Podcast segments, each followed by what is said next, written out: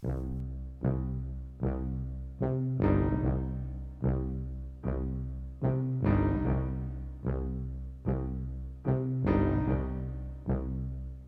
lockdown wordt steeds verder versoepeld en hier en daar lijkt de wereld weer een beetje op die van vroeger. Maar wordt alles wel weer zo gewoon als voor de quarantaine? Wat heeft de quarantaine met ons gedaan en hoe heeft het ons en onze wereld veranderd? Aan de hand van tien vragen die we aan mensen uit verschillende disciplines stellen, proberen we daar een antwoord op te vinden. In deze eerste aflevering spreken we met Marijn Tol. Marijn is schrijver van heel veel kookboeken, creative chef bij de Bias Beach Club van de Refugee Company. Ze schrijft columns in het Parool, is culinair schrijver eh, bij Delicious en heeft samen met Nadia Zerouali een productlijn van heerlijke Midden-Oosterse producten en dat heet allemaal Soek. Marijn, uh, wat ben ik allemaal nog vergeten? Nou ja, ik doe eigenlijk tussendoor ook nog altijd allemaal allerlei kleine leuke events of samenwerkingen met mensen. Of nog uh, producties voor andere bladen tussendoor. Nou ja, van alles. Ja. Het leven van een freelancer, zeg maar. Ja, nou, zo klinkt het heel erg. Heel veel tegelijk. Maar ook allemaal hele leuke dingen. Um, nou, de eerste vraag. Waar was je toen de lockdown werd aangekondigd? Um, oh joh, dat kan ik niet eens meer precies herinneren. Waar was ik? Volgens mij was ik gewoon al thuis. Volgens mij op een zondag of zo. Volgens mij kwamen toen net thuis van iets. Nee, mensen kwamen eten bij ons, dat was het. Ze hadden, oh ja, ik weet het alweer. Dat ze dachten van, oh ja, um, uh, kunnen we eigenlijk nog bij elkaar komen eten? Oh ja. Van, nou ja, dat kan wel. En toen gingen inderdaad, die avond gingen de restaurants dicht. Ja, dat was wel even een schok dan, denk ik. Ja, ik weet het niet. Ik vond het niet echt een super schok. Want bedoel, als je het nieuws toen al een beetje volgde, was het wel iets wat er aan zat te komen. Ja, ja dat is ook wel zo. En, en hoe verliep jouw uh, ophokplicht? Nou, mijn ophokplicht voelde letterlijk wel een beetje opgehokt. Want, uh, nou ja, ik bewoon een uh, hele fijne, maar niet super mega grote etage samen met mijn man, vriend uh, en mijn dochter van vier. Nou, Um, hij zit, zit, ook in de media, maar dan aan de online televisiekant. Ja. Dus met alle persconferenties, ja, dingen die online plaatsvinden, was, was zijn werk echt mega druk. Nou ja, dus uh, was een soort vol continu uh, online meetings waar we dan in zaten. Ja. En uh, nou ja, die kleine van vier, die, die moet natuurlijk gewoon uitgelaten worden. En die stelt natuurlijk ongeveer vol continu vragen. Ja, precies. Dus wat dat betreft... Um, ja, was het best wel uitdagend. Maar ik ging gewoon heel veel buiten. Het was natuurlijk meteen super mooi weer. Heel veel bakken en koken. En ja, dat is natuurlijk wat ik überhaupt altijd doe, maar nu nog meer. En uh, met die kleine het uh, park in. Ja, en wat miste je nou het meest? Maar ja, ik denk dat ik uiteindelijk, je leven werd ineens heel vol en heel rustig tegelijk. Dus het was een hele rare, ik vond het gewoon een hele rare combinatie. Dus aan de ene kant was ook een deel van mijn werk was, uh, kwam tot stilstand, uh, bij Delicious bijvoorbeeld. Um, daar kregen we als freelancers toch net uh, meteen allemaal minder werk. Dus dat was heel vreemd. En tegelijkertijd heb ik constant iemand van vier om me heen. Uh, wat het dan weer heel druk maakt. Dat ik het gevoel had dat wat ik wilde doen, dat ik daar weer niet aan toe kwam. Dus het was rustig en uh, druk tegelijk. Zij ging natuurlijk ook niet naar school. Nee, ze ging natuurlijk niet naar school en uh, is wel super actief. Ook heel leuk hoor. Ja. Ik vond het wel heel leuk om een column te hebben. Of ik vind sowieso altijd heel leuk. Maar in die hele periode was die column voor mij ook echt een soort van uitlaatklep waar ik die situatie in kon beschrijven. En kon linken aan, aan mijn keuken en aan mijn eten. En uh, dus ik heb toen ook zo'n uh, soort van mini-projectje om ons bezig te houden bedacht. Wat ik amandelkusjes heb genoemd. Dan heb ik gewoon een hele lekkere soort van ja, amandelrotjes gemaakt met... Uh, met rozenblaadjes. En uh, die heb ik dan uh, uitgedeeld aan mensen die dat nodig hadden. En die, uh, die op afstand wat aandacht konden gebruiken. En op een gegeven moment konden mensen die ook bij mij bestellen. En dan ging ze door de stad bij mensen langs brengen. Nou ja, dat soort, ja, oh, dat soort dingetjes. En boodschappen doen ja. voor mensen. Dat ben ik ook gaan doen. Zie je dat Amsterdam voor elkaar. Oh ja, ja, ja, dat is een heel groot project geworden uiteindelijk. Hè? Ja, maar dat is natuurlijk gewoon iets heel simpels. Ja. Ik dacht van ja, ik heb toch genoeg tijd om nu dingen te doen.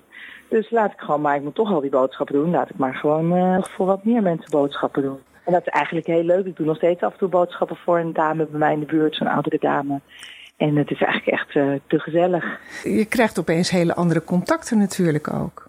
Ja, want ik bedoel, sowieso vond ik die hele periode wel hoor. Dat, dat mensen, in het begin was het natuurlijk een soort van raar dat we allemaal een soort van als malaatse om elkaar heen liepen. Ja. Dat was vond ik wel echt een soort van hele bizarre uh, manier van omgaan. Maar bedoel, ja, ik vind het sowieso altijd in het leven hoor. Dat je de, een beetje de humor van dingen moet en een beetje moet relativeren. Dus daardoor kon je natuurlijk ook gewoon. Iedereen vond het opeens ook heel normaal om tegen elkaar te praten. Ik vind dat altijd al heel normaal hoor, om gewoon met iedereen te praten. Maar in Nederland, in de Nederlandse mentaliteit, is toch heel vaak zo van: nou, ik ken jou niet, wat wil je van me?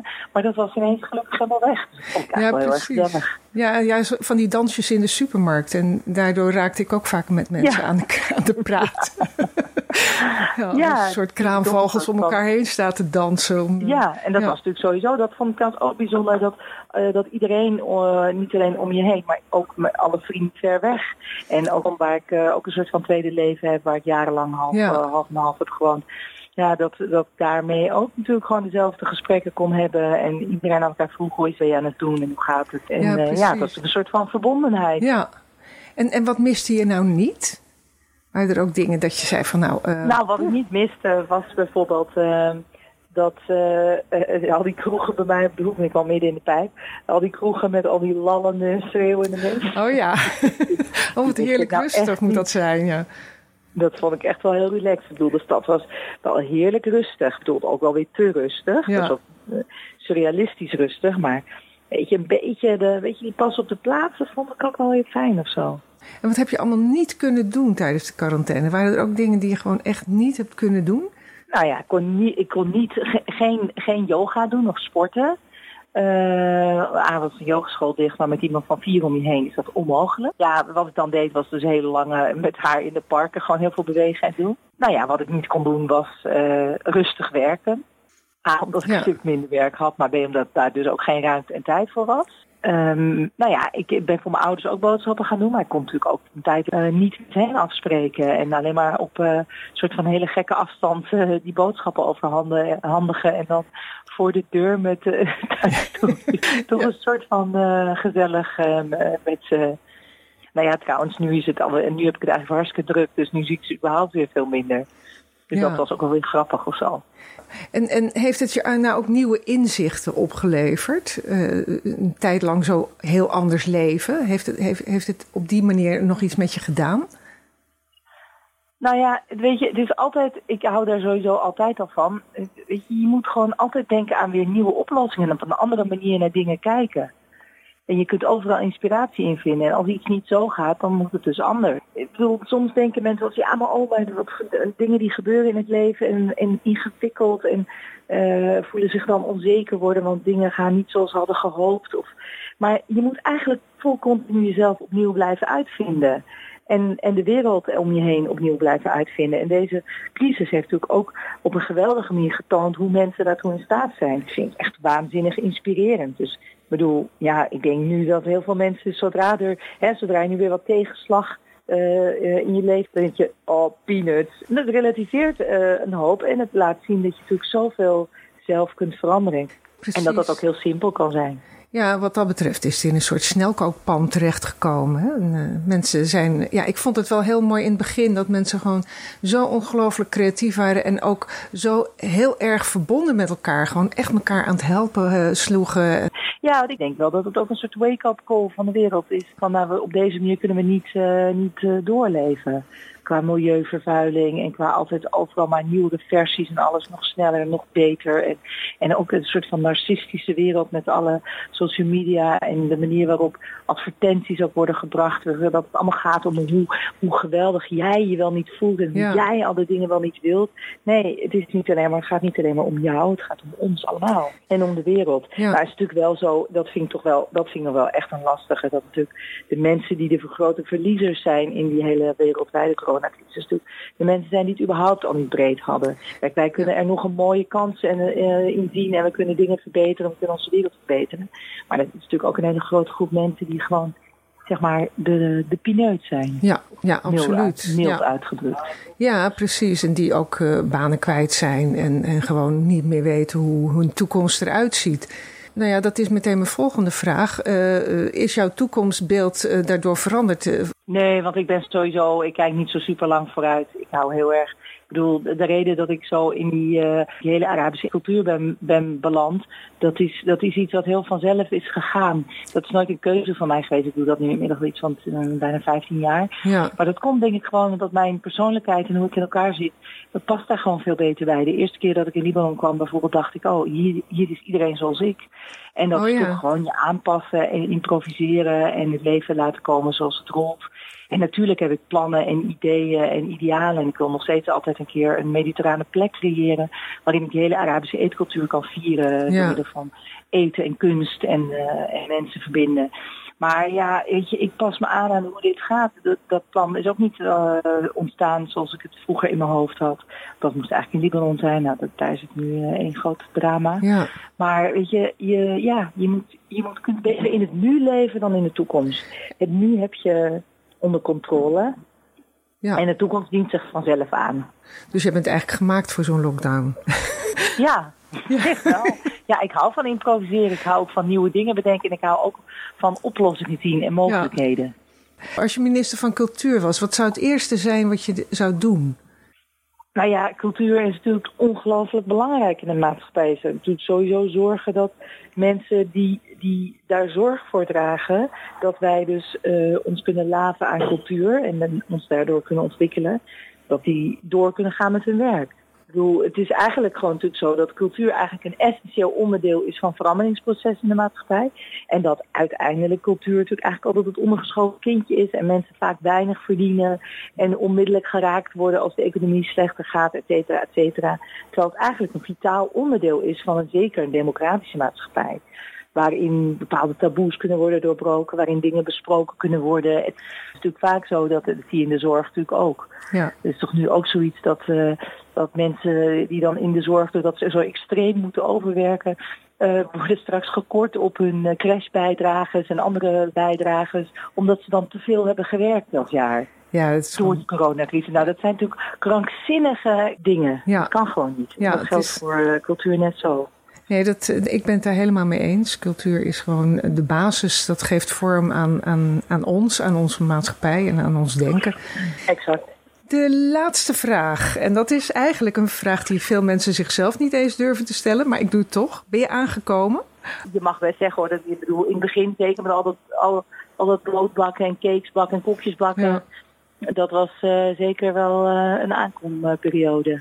Maar niet dramatisch. Nee, gelukkig maar. Gelukkig maar. Ja, je hebt veel door, door het park gelopen met je dochter. Dus dat, uh, dat scheelt ja, natuurlijk ook mijn weer. mijn leven gaat altijd om eten. Mijn laatste, ja, dat mag jij zelf zeggen. Um, ik begreep dat er een crowdfunding actie is bij de Refugee Company.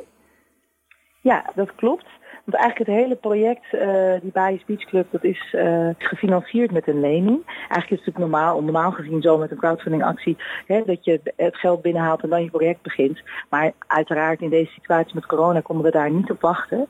Dus die crowdfunding actie uh, is nu eigenlijk bedoeld uh, om die lening weer terug te betalen. Dus als mensen een tafel bij ons willen boeken, of uh, zeg maar ons willen steunen met die crowdfundingsactie, kunnen ze op een tafel boeken voor 150 uh, eh, euro. En dan krijgen ze daarvoor een diner. En tegelijkertijd is dat dan ook hun donatie oh. aan, aan de crowdfundingsactie. Oh. Ook meerdere mensen met grotere groepen. Uh, maar het is eigenlijk een manier om zeg maar, dit hele beach-initiatief een beetje terug te verdienen. En dat beach-initiatief dat is ontstaan omdat je niet meer binnen met te veel mensen kunt eten, maar buiten is dat veel makkelijker. Dus nu is eigenlijk de A Beautiful Mess naar buiten verplaatst. Hè? Ja, zeg ik het zo goed? Mess, dit is eigenlijk gewoon het zomerstrand van de Beautiful Mess. Dus de Bias Beach Club. En het is gewoon ook een hele toffe manier om mensen gewoon ook deze zomer een hele leuke plek in Amsterdam te bieden. Die anders is dan anders. En die zo, sowieso te draait om de diversiteit en kleur en inclusiviteit en, uh, en ontspannen in je eigen land. En dan is het natuurlijk ook een manier om de Refugee Company deze periode door te loodsen. En om te zorgen dat gewoon ons restaurant en onze plek kan blijven bestaan. Het is eigenlijk een beetje een, een terugwerkende kracht crowdfundingsactie. Normaal heb je de tijd om hè, rustig je crowdfunding te gaan doen en dan met je project te beginnen. Maar aangezien we nu in deze periode dus nergens tijd, we hebben geen tijd om te wachten. Dat geldt niet alleen voor ons, geldt voor ontzettend veel mensen en projecten. Um, doen we het dus zo. Dus een lening die we met die crowdfundingsactie terugbetalen. Waarbij mensen eigenlijk ook dus gewoon gelijk kunnen komen genieten van ja, hun crowdfunding. Nou, ik kan, ik kan het iedereen van harte aanbevelen. Want het is heerlijk eten daar. En uh, maar ja, jij bemoeit je er ook met het eten. Dus dat kan alleen maar lekker worden. Ja, we hebben een hele nieuwe menukaart gemaakt. Echt uh, soort Midden-Oosten street food, beach food. En uh, ja, tot nu toe zijn de reacties echt super enthousiast. En we zijn echt uh, nou, bezig met de puntjes op de i, want het is natuurlijk echt een uh, super uitdaging. Met een heel uh, nieuw team, met ook trainees, even een nieuwe kaart uit de grond stampen. Met ja. allemaal nieuwe gerechten. Maar super leuk en nou ja, we, we zien in een heerlijke zomer.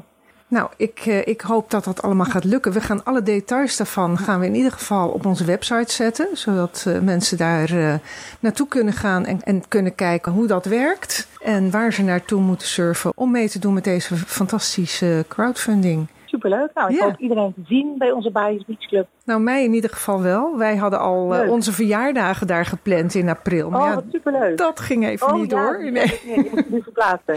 ja, dus uh, we wachten nu op een goed moment dat het toch weer ja. kan. Maar uh, ja, het is gewoon een prachtige plek. Dus, leuk. Nou ja, dan ga je het strand ook echt leuk vinden. Het is echt ja. heel geinig worden het steeds lawaaiiger te worden. oh, jij zit daar nu, geloof ik, hè? Ja, ik zit ja. daar nu. Dus ja. Nou, ik, uh, ik zal je niet langer ophouden. Heel veel plezier nog daar. En heel veel succes met de crowdfunding. En, dankjewel. Uh, en dankjewel voor dit interview. Ja, nou, graag gedaan.